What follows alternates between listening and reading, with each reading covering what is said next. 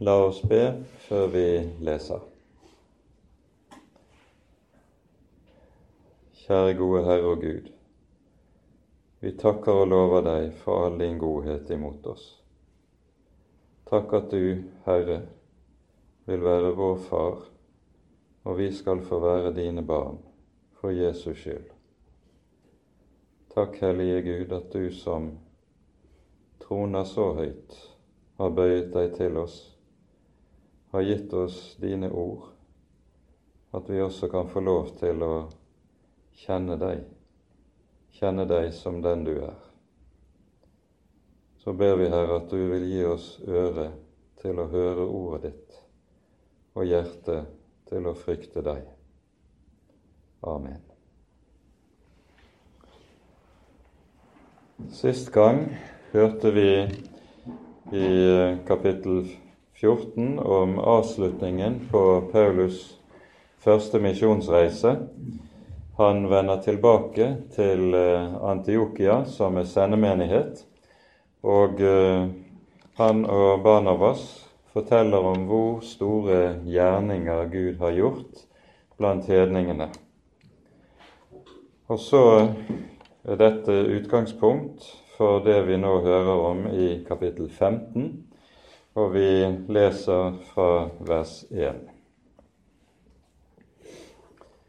Det kom da noen ned fra Judea og lærte brødrene slik:" Hvis dere ikke blir omskåret etter den skikk vi har fra Moses, kan dere ikke bli frelst.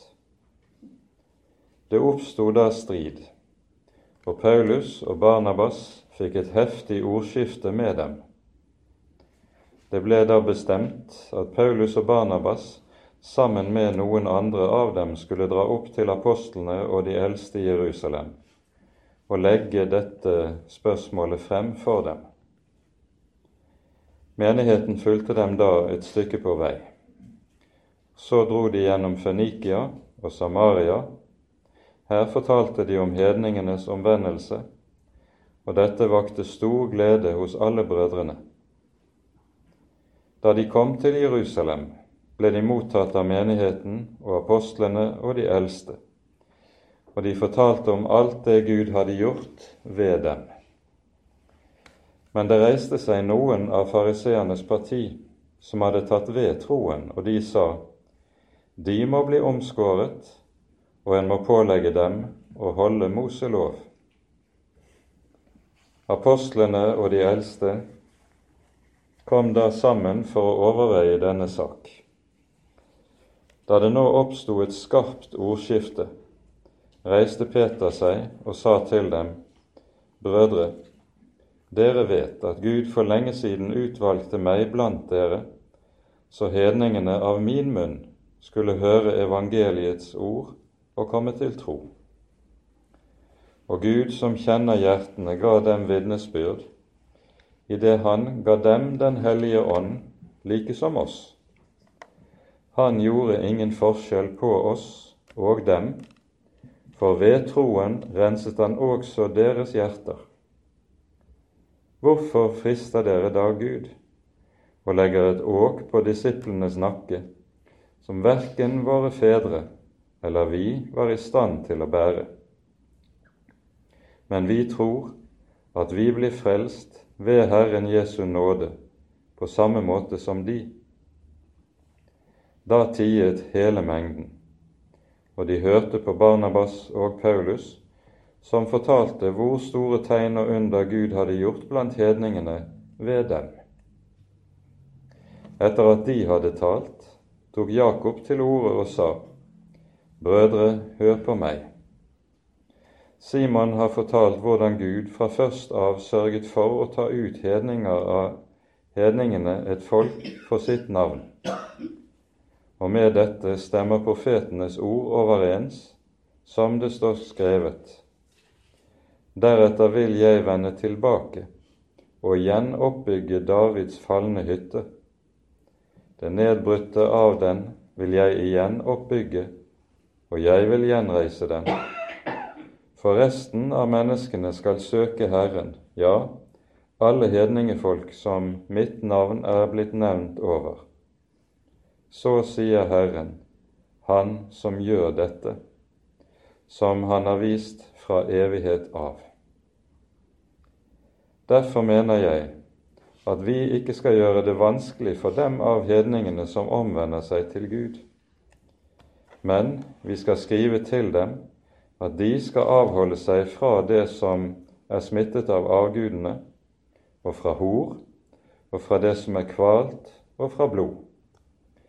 For Moses har fra gammel tid av noen som forkynner ham i hver by, og han blir opplest i synagogene hver sabbat. Da vedtok apostlene og de eldste, sammen med hele menigheten, å velge ut noen menn iblant seg og sende dem til Antiokia sammen med Paulus og Barnabas. De valgte Judas med tilnavnet Bar-Sabbas og Silas, som var ledende menn blant brødrene. Og ved deres hånd skrev de dette. Apostlene og eldstebrødrene hilser brødrene av hedningene i Antiokia og Syria og Kilikia. Da vi har fått høre at noen som er kommet fra oss, har forvirret dere med sin tale og vakt uro i deres sjeler, vi har ikke gitt dem noe oppdrag, synes det godt for oss etter at vi er kommet til enighet i denne sak, å velge noen menn og sende dem til dere sammen med våre kjære brødre Barnabas og Paulus, menn som har våget sitt liv for Herren Jesu Kristi navns skyld. Vi sender da Judas og Silas, og de skal også muntlig gjøre det samme kjent for dere.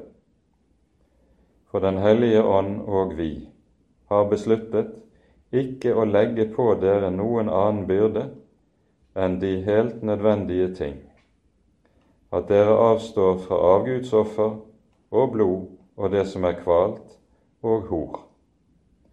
Om dere tar i vare for dette, vil det gå dere godt. Lev vel. De som ble sendt av sted, kom da ned til Antiokia.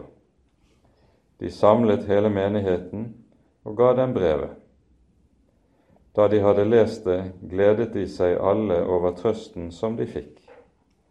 Judas og Silas, som selv var profeter, talte meget til oppmuntring og styrke for brødrene. Da de hadde vært der en tid, lot brødrene dem dra tilbake med ønske om fred til dem som hadde sendt dem.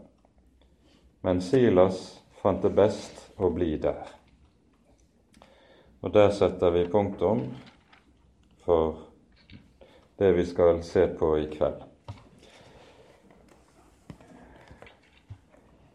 Overskriften i nyere bibler det er apostelmøtet i Jerusalem.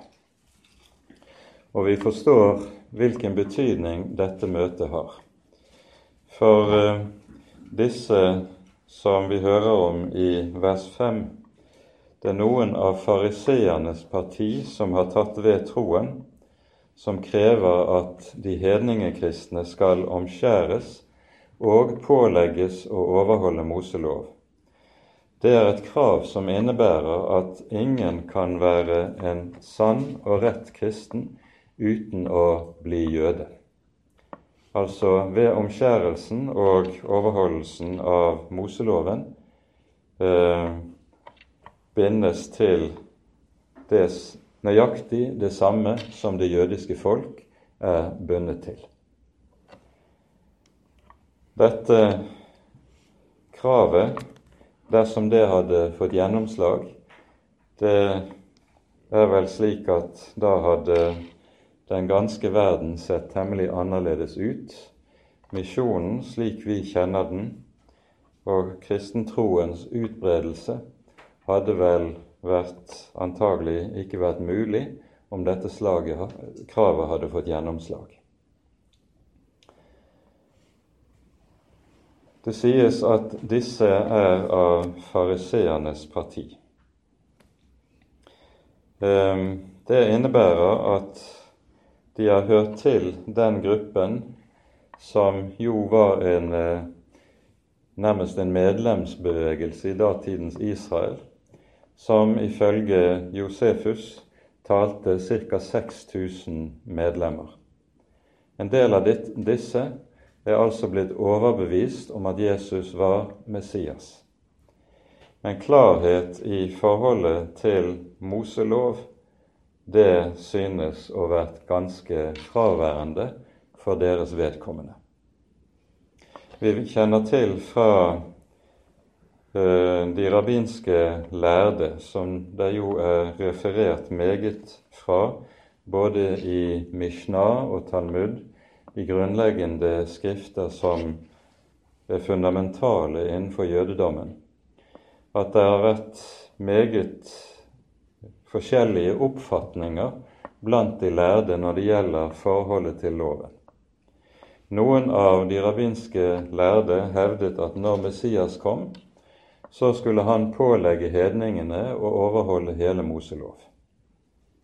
Mens det er andre av de rabbinske lærde som hevder et ganske annet syn, nemlig at hedningene bare skal pålegges de lovbud som lød eh, Eller kalles de eh, noakittiske bud, altså syv bud eller 30 bud som tilskrives eh, det som Herren befaler Noah, og dermed hele menneskeheten gjennom ham.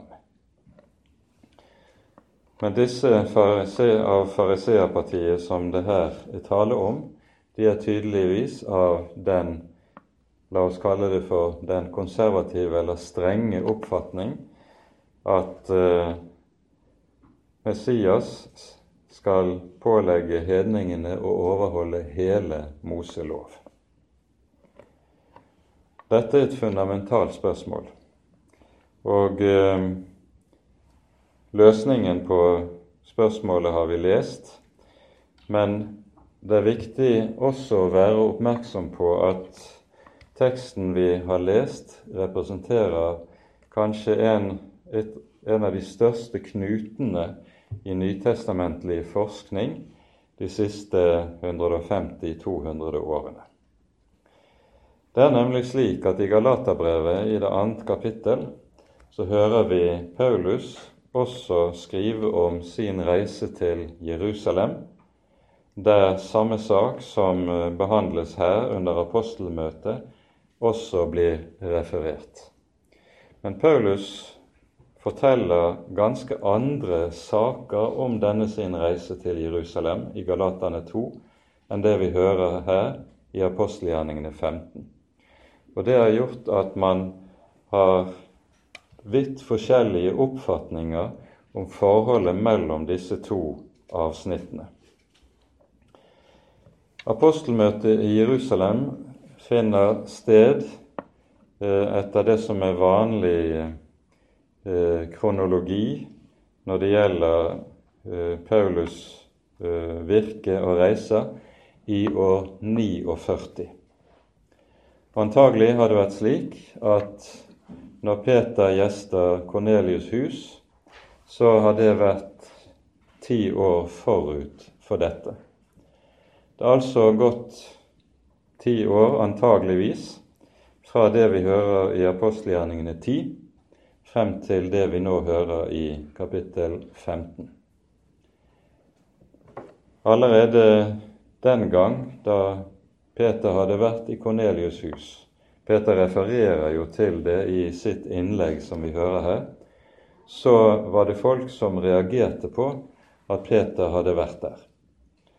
Men eh, det at Den hellige ånd ble utgitt over hedningene, på samme måte som over apostlene på pinsedagen, det var Guds vitnesbyrd om at også hedningene hørte med til Guds folk.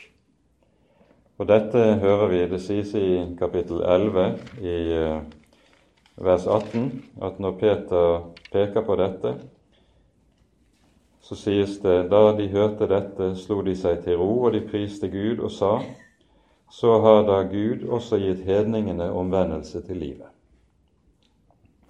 Men nå er det gått ti år, og eh, menigheten i Jerusalem har antagelig fortsatt å vokse og en del av disse som nå protesterer mot Paulus virke, og dermed også Paulus' forkynnelse, det ligger jo underforstått i dette kravet, de kan muligens være slike som har kommet til menigheten i, period, i løpet av disse ti årene, og som ikke kjenner meget til det som skjedde i forbindelse med Peters besøk hos Kornelius.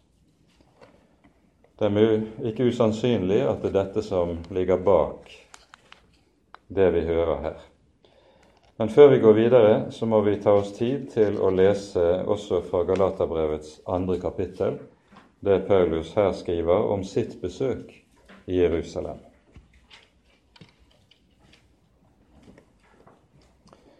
Her leser vi fra vers 1 i kapittel 2. 14 år senere dro jeg igjen opp til Jerusalem sammen med Barnabas. Jeg tok også Titus med. Jeg gikk dit opp etter en åpenbaring, og jeg forela dem, og særskilt dem som gjaldt mest, det evangelium som jeg forkynner blant hedningene, om jeg på noen måte løp eller hadde løpt forgjeves. Men ikke engang Titus, som var med meg, han som var greker, ikke engang han ble tvunget til å la seg omskjære, for de falske brødres skyld som hadde sneket seg inn. De var kommet for å lure på vår frihet, den som vi har i Kristus Jesus, for å kunne gjøre oss til treller. Men ikke ett øyeblikk vek vi eller ga etter for dem, for at evangeliets sannhet kunne stå fast hos dere. Men de som gjaldt for å være noe, hvor store de var, er meg det samme. Gud gjør ikke forskjell på folk. De som gjaldt mest, påla meg ikke noe i tillegg. Tvert imot, da de så at jeg var blitt betrodd å forkynne evangeliet for de uomskårne, like som Peter for de omskårne, for han som ga Peter kraft til aposteltjeneste blant de omskårne, han ga også meg kraft til det blant hedningene. Da de som gjaldt for å være støttende, Jakob og Kefas og Johannes, ble kjent med den nåde som var meg gitt, ga de meg og Barnabas samfunnshånd, for at vi skulle gå til hedningene, men de til de omskårne. Vi skulle bare huske på de fattige, og nettopp det har jeg lagt vind på å gjøre. Vi forstår av det vi her hører i Galatane 2, at saklig sett dreier det seg om nøyaktig samme problemstilling i disse to avsnittene i Det nye testamentet. Men de fortelles fra vidt forskjellige synsvinkler. Eh, en teori som i en god del år har eh, hatt gjennomslag blant mange nytestamentlige forskere, er at det besøket Paulus her refererer til Jerusalem, det er det samme besøket vi hører om i apostelgjerningene kapittel 11, når han reiser opp til Jerusalem eh, med en pengegave til de fattige Jerusalem fra menigheten i Antiokia. Av denne grunn så ville Paulus da naturlig nok ikke fortelle noe om eh, eh apostelmøtet og referere noe fra brevet som sendes fra møtet i Jerusalem, slik vi altså ser det her. Det er intet om apostelmøtet, intet om brevet fra apostlene til menighetene. Hvis det er tilfellet, så ville det innebære at Galaterbrevet var skrevet før apostelmøtet i Jerusalem. Um, og dermed være det eldste av Paulus sine brev.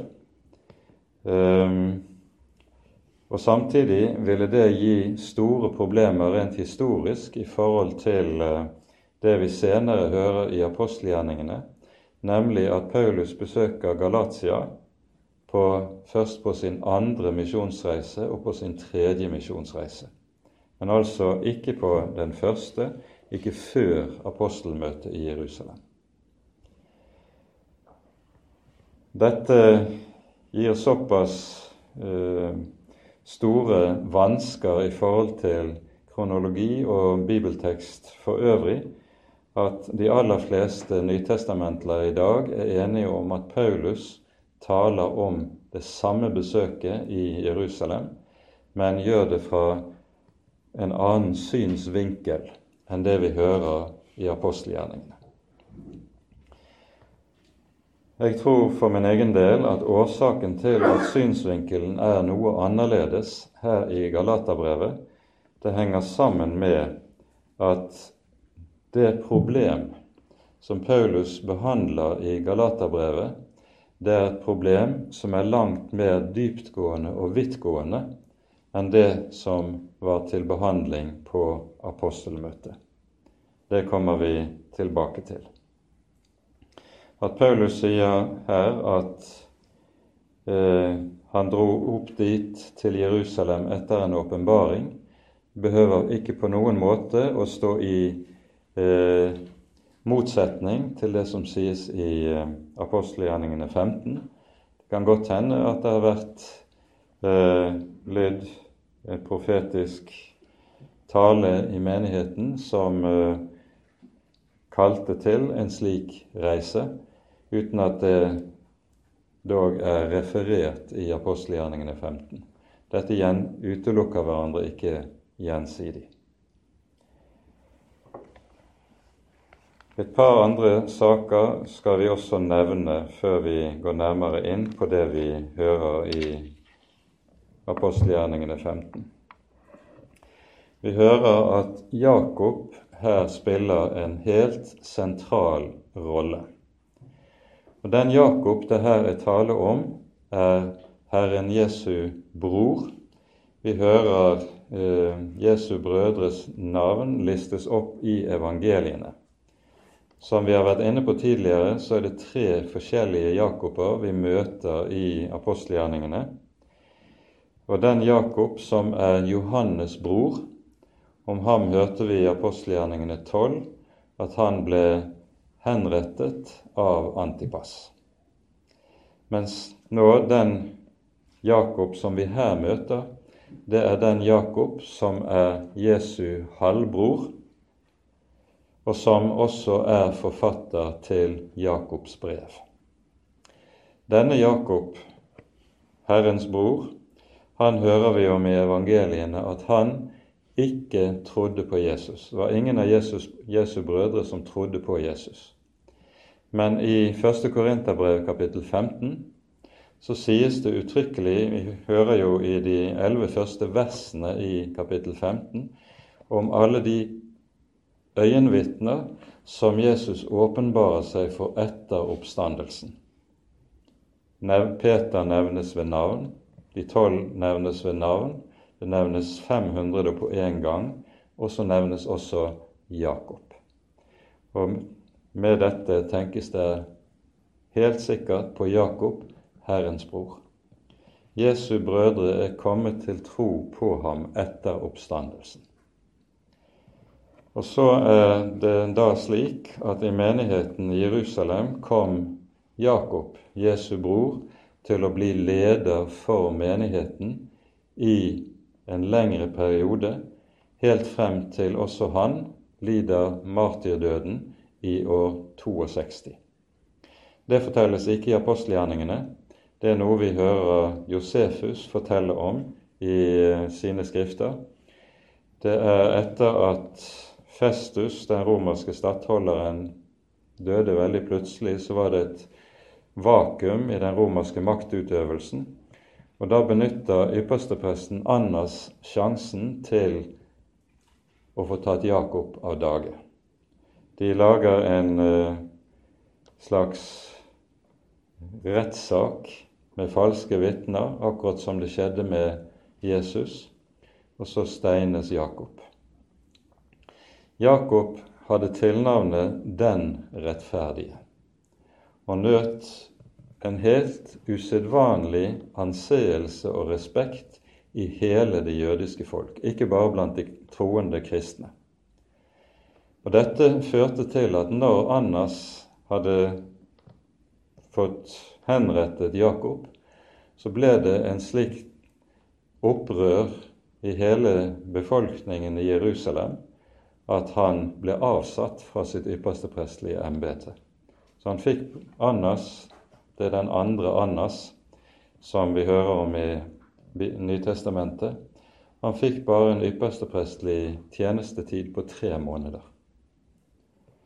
Dette er litt av historien som også kan være verd å ha med seg, men eh, det er viktig at vi kjenner til hvilken Jakob det her er tale om, og hvilken stilling han hadde i den første kristne menighet.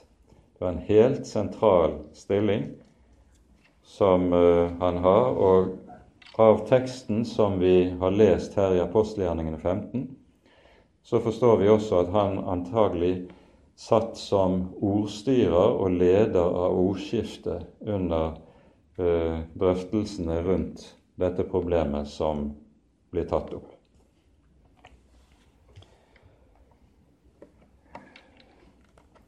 Vi hører fra vers 6 av at apostlene og de eldste kom sammen for å overveie denne sak. Så oppstår det et skarpt ordskifte, og Peter reiser seg og holder et kort innlegg. Og I dette innlegget så hører vi han refererer uttrykkelig til det som skjedde i forbindelse med at han ble kalt til Kornelius' hus. Gud som kjenner hjertene, ga dem vitnesbyrd, sier han, idet han ga dem Den hellige ånd, like som oss. Og dette likesom er viktig å legge merke til. For når det sies likesom i denne sammenheng, så er det i Peters munn slik at åndsutgytelsen i Kornelius' hus så å si settes eller stilles på linje med åndsutgytelsen på pinsedag.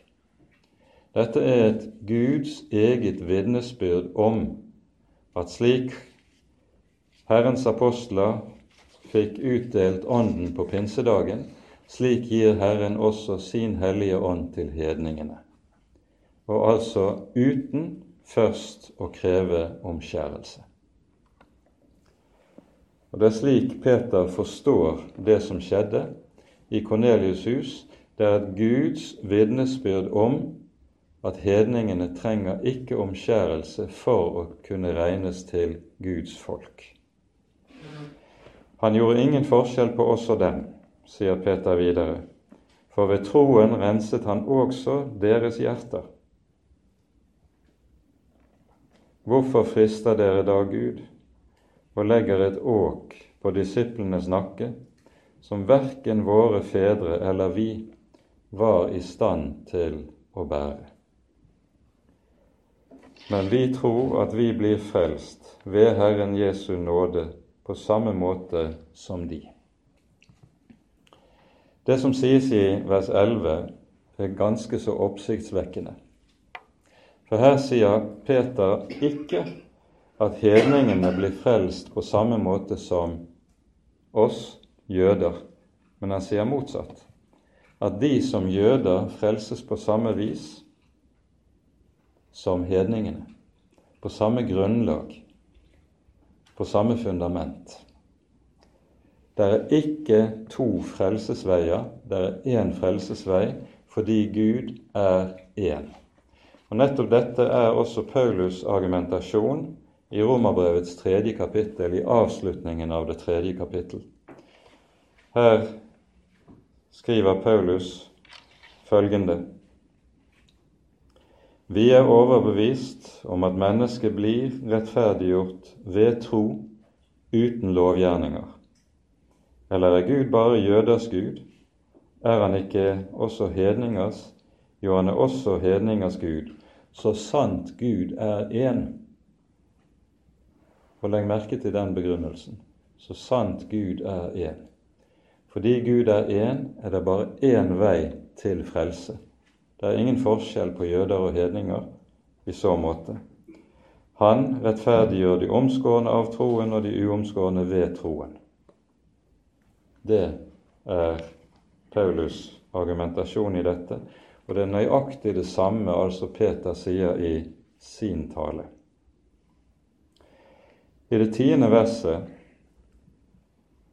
hører vi også et utsagn som er uhyre betydningsfullt. Hvorfor frister dere Gud? Å sette Gud på prøve, det er en av de mest alvorlige synder som Bibelen omtaler. Vi hører Israel gjør dette i ørkenen. Det omtales flere steder i Salmenes bok som noe av en del av Israels fall under ørkenvandringen.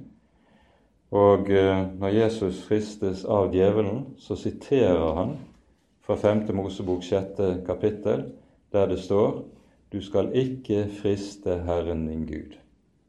Du skal ikke sette Herren din Gud på prøve.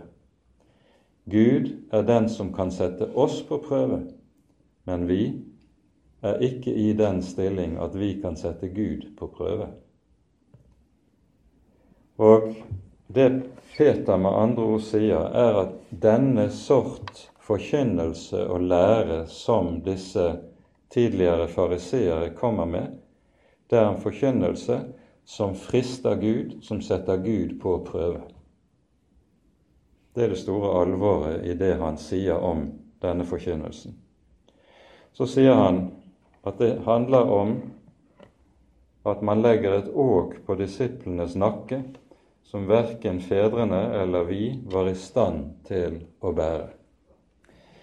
Når Peter her bruker uttrykket 'åk', så er det et så å si standarduttrykket eh, i rabbinsk jødedom og blant fariseerne om loven.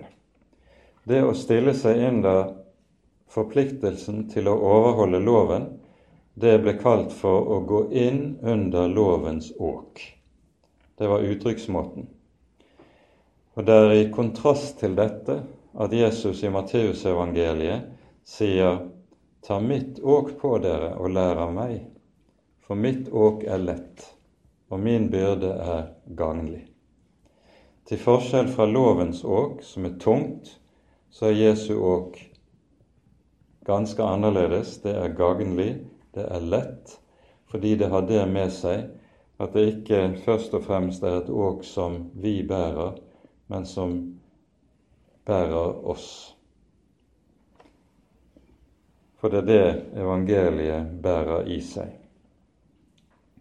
Det er også mulig at når eh, Peter uttrykker seg på denne måten som han gjør det her i vers 10, så ligger det i dette en gjenklang av Josvas avskjedstale til Israel før han skal dø og som vi finner i Josva-bokens 24. kapittel.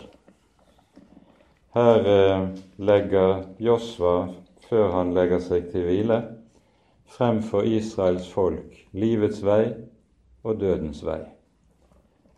Og eh, folket svarer eh, Josva Vi leser i Josva-boken kapittel 24 fra vers 16.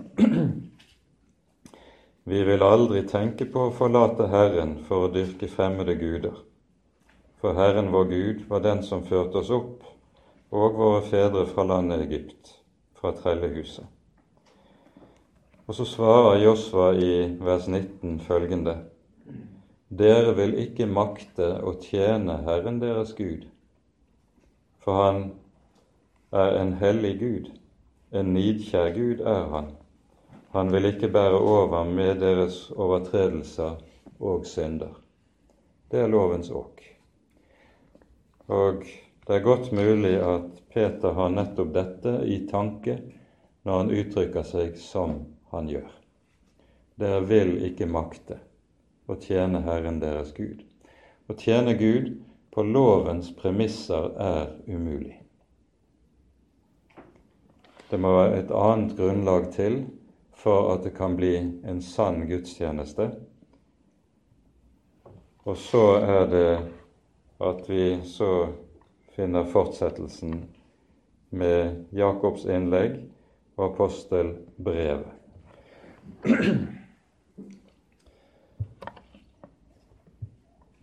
Og da tror jeg at vi må vende tilbake til problemstillingen som vi finner i Galaterbrevet.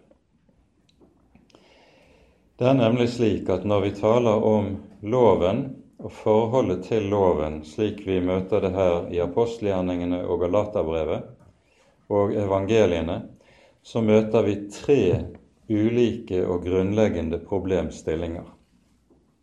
Hovedproblemstillingen her i apostelgjerningene er den helt enkle og grunnleggende skal hedningene pålegges å overholde Moseloven og forpliktelsen til omskjærelse. Er det et vilkår for å kunne bli en kristen? Apostelmøtet avviser dette enstemmig. Dette skal ikke pålegges hedningene. Det er noe som hører det jødiske folk til. De jødekristne, de skal omskjære sine barn. De er forpliktet på Moseloven, men dette gjelder ikke hedningene. Det er altså slik at Gud har gitt Israels folk særlige forpliktelser i Mosebøkene som ikke gjelder hedningene.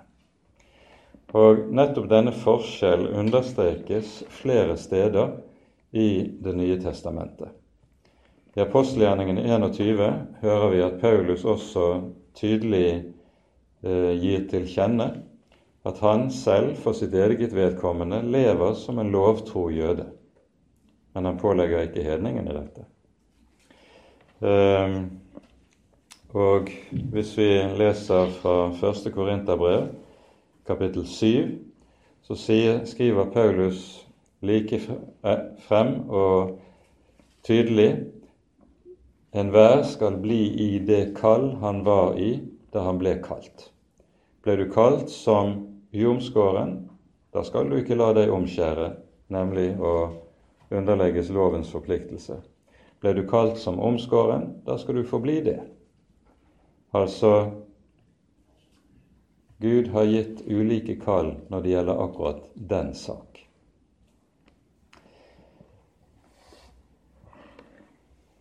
Dernest loven og, forplikt, og spørsmål om loven går også langt dypere.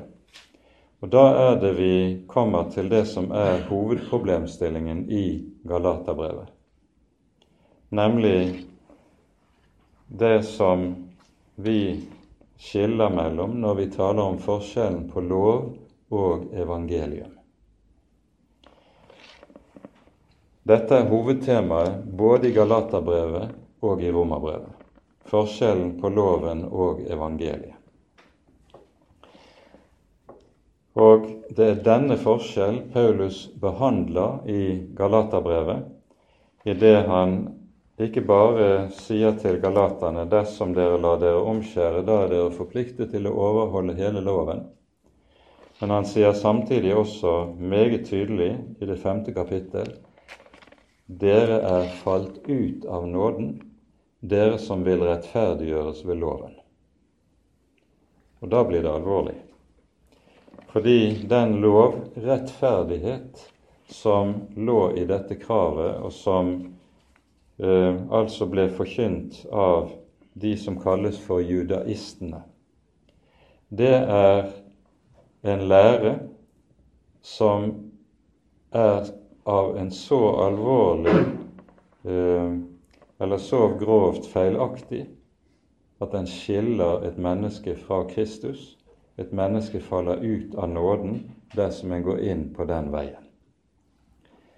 Vi har pekt på flere ganger i Det nye testamentet så er det tre hovedtyper av vranglære. Den første hovedtypen er det vi kaller for kristologisk vranglære, der en enten fornekter Kristi guddom, det at Jesus er Gud og mann, og dermed fornekter også treenigheten, eller også fornekter hans sanne menneskelige natur, slik som det skjedde i gnostisismen. Det nye testamentet vitner entydig om at fornektelse av Kristi gudmenneskelige natur fører et menneske i fortapelsen. Dette sies uttrykkelig flere steder, ikke minst i Johannesevangeliet. For det andre har vi det som kalles for etisk vranglære. Dvs. Si en lære om den kristne frihet som tillater kristne mennesker å leve i synd. Slik lære er også en vranglære som fører mennesker i fortapelsen. Dette er hovedtema særlig i Judas brev og Peters uh, Unnskyld, i Peters andre brev, men også flere steder i Paulusbrevene dukker denne vranglære opp som noe Paulus omtaler og bekjemper. Og så har du den tredje hovedtype av vranglære. Det det vi kan kalle for en soteriologisk vranglære, og det er den som behandles i Galaterbrevet. Det er en vranglære som gjør loven til frelsesvei i stedet for evangeliet. Og da skilles et menneske fra den Herre Kristus. Dette er jo hovedtema i, særlig i Galaterbrevet. Og vi minner her bare om de innledende ordene i Galaterbrevet, om hvor alvorlig Paulus ser på dette. Vi leser fra vers 6 i det første kapittelet.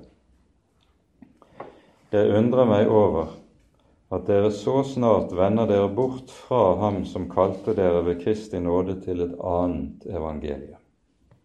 Skjønt det ikke finnes noe annet. Det er bare noen som forvirrer dere og vil forvrenge Kristi evangelium.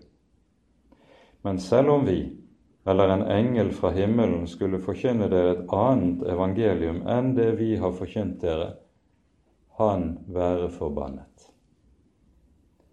Det er kraftige ord, og det er alvorlige ord. Problemet som Paulus står overfor i Galatia, er det at i hans fotspor har det reist om en gruppe predikanter som har lært tilsvarende det vi hørte om i apostelgjerningene 15. De krever omskjærelse, de krever overholdelse av Moselov, og tankegangen er da den at et menneske ikke kan bli frelst uten loven. Et menneske blir rettferdiggjort ved lovgjerninger. Det er tankegangen i dette. Og det er dette fremmede evangelium som Paulus da bekjemper i Galaterbrevet. Det er den annen type problem som vi står overfor når vi taler om loven og lovens problem i den nye pakts tid.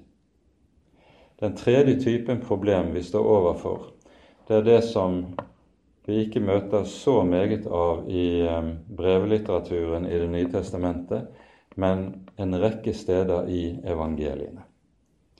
Særlig tydelig finner vi det i Matteusevangeliets 15. kapittel, der vi hører at fariseerne legger til de bud som var gitt i Moseloven, og så siterer Jesus i Matteus 15 fra Jesaja og sier dette folk ærer meg forgjeves idet de lærer menneskebud i stedet for de bud som er gitt fra Herren.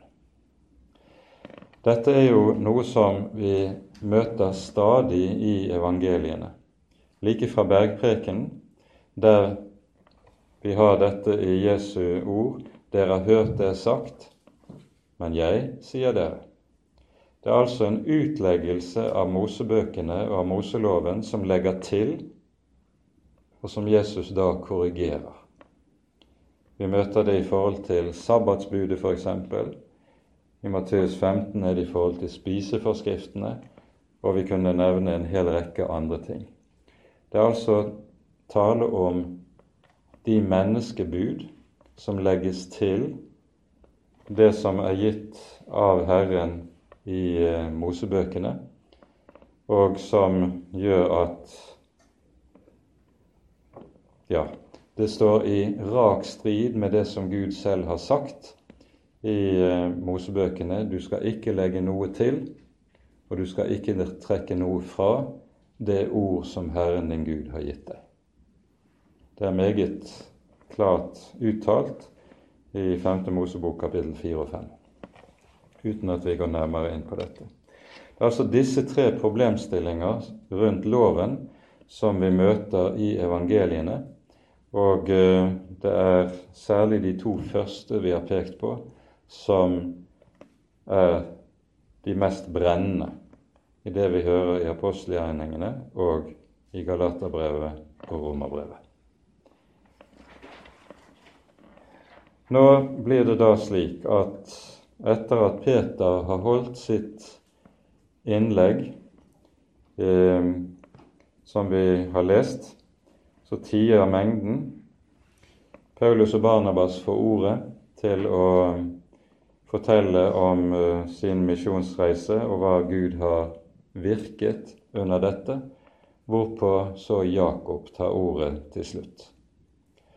Og han tar ordet Antagelig er det mange som har vært spent i forsamlingen på hva Jakob vil komme til å si. Han støtter fullt opp om hva Peter har undervist om, og gir så råd om hvordan de skal håndtere dette, nemlig at det skal sendes brev til menighetene. Noe av det som er interessant i Jakobs sitt korte innlegg, det er at han siterer fra profeten Amos. Deretter vil jeg vende tilbake igjen og oppbygge Davids falne hytte, for at resten av menneskene skal søke Herren. Sammenligner du sitatet som står her i apostelgjerningene 15, med den bokstavelige teksten hos profeten Amos i det niende kapittel, så vil du se at det er relativt betydelige avvik Jakob siterer ikke bokstavelig. Det har vært flere teorier på hvorfor eh, dette er tilfellet. Ehm, det som står gjengitt her, ligger nærmere den greske oversettelsen av ehm, Det nye testamentet som var i omløp den gang. Men det er særdeles usannsynlig at Jakob, som taler hebraisk, vil sitere fra den greske og relativt frie oversettelsen. Det som nok er tilfellet, er at når Jakob siterer, så gir han samtidig det som kalles for en midrasj innenfor jødedommen. Det betyr at når han siterer, så veves sitatet sammen med en bestemt utleggelse av den foreleggende tekst, slik at sitering og utleggelse så å si glir over i hverandre. Dette var ikke uvanlig i, innenfor jødedommen, og en ser det ofte i flere sammenhenger, også i Det nye testamentet, at når det siteres fra Det gamle testamentet, så skjer det på denne måten at man så å si gir en midrasj. Ordet midrasj kommer fra hebraisk og betyr ransaken det er det at en ransaker Skriftene, ransaker dybdene i Skriftene, og så utlegger disse dybder. Det er det som er tankegangen i denne måten å sitere fra Det gamle testamentet på. Og så er meningsinnholdet i det Jakob siterer, ganske grunnleggende. For det første sier han når han peker på at Herren vil komme og bygge opp Davids falne hytte. Så sies det med dette det at det finnes en Jesus-troende menighet blant jødene, det betyr at nå gjenreises Davids falne hytte. Det er altså menigheten, den Jesus-troende menighet blant jødene, det er den som er oppfyllelsen av denne profeti.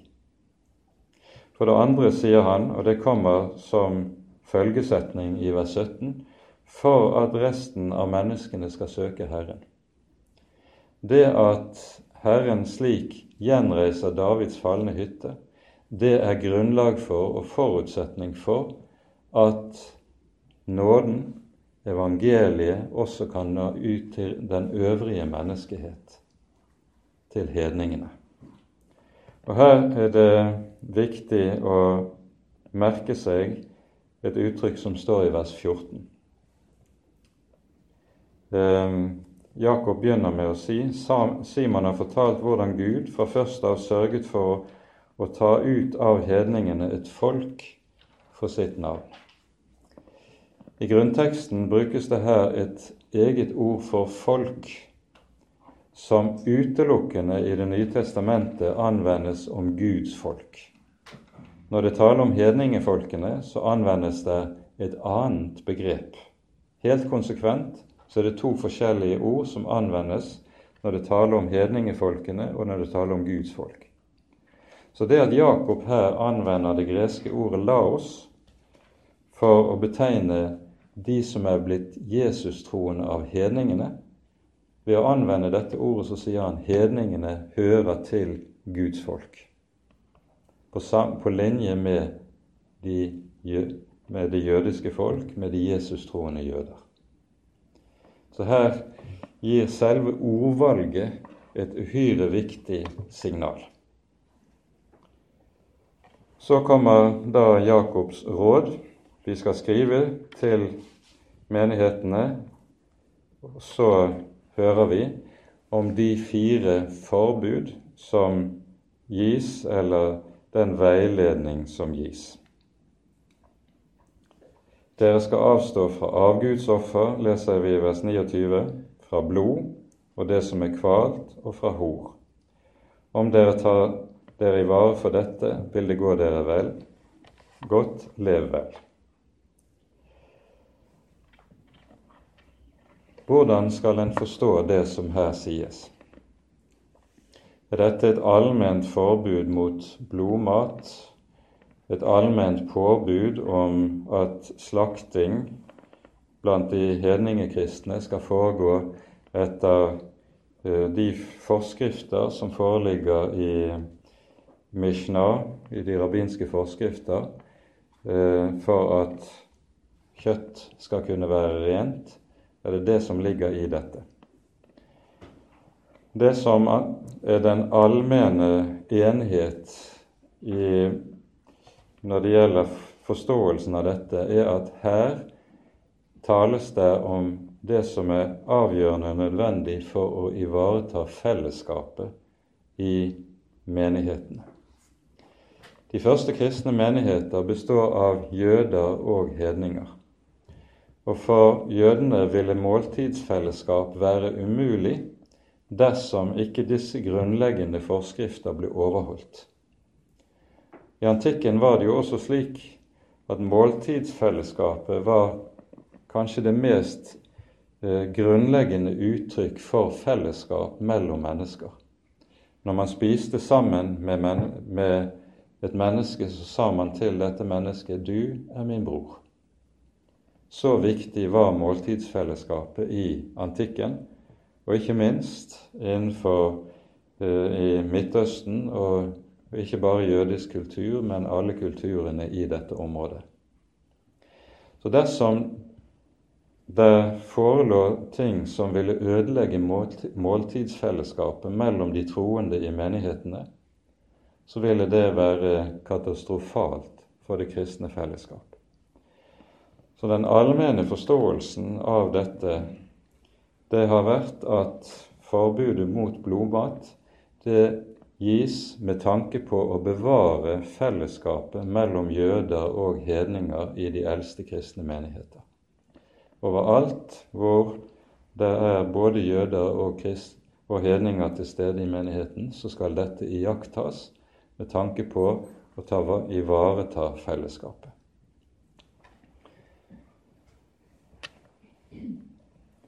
Det er altså det som er det primære hensyn, og årsaken til at en har tenkt slik, det ligger i det vi leser i vers 21, nemlig henvisningen til at overalt, altså omkring i det vidstrakte Romerriket, finnes det jøder.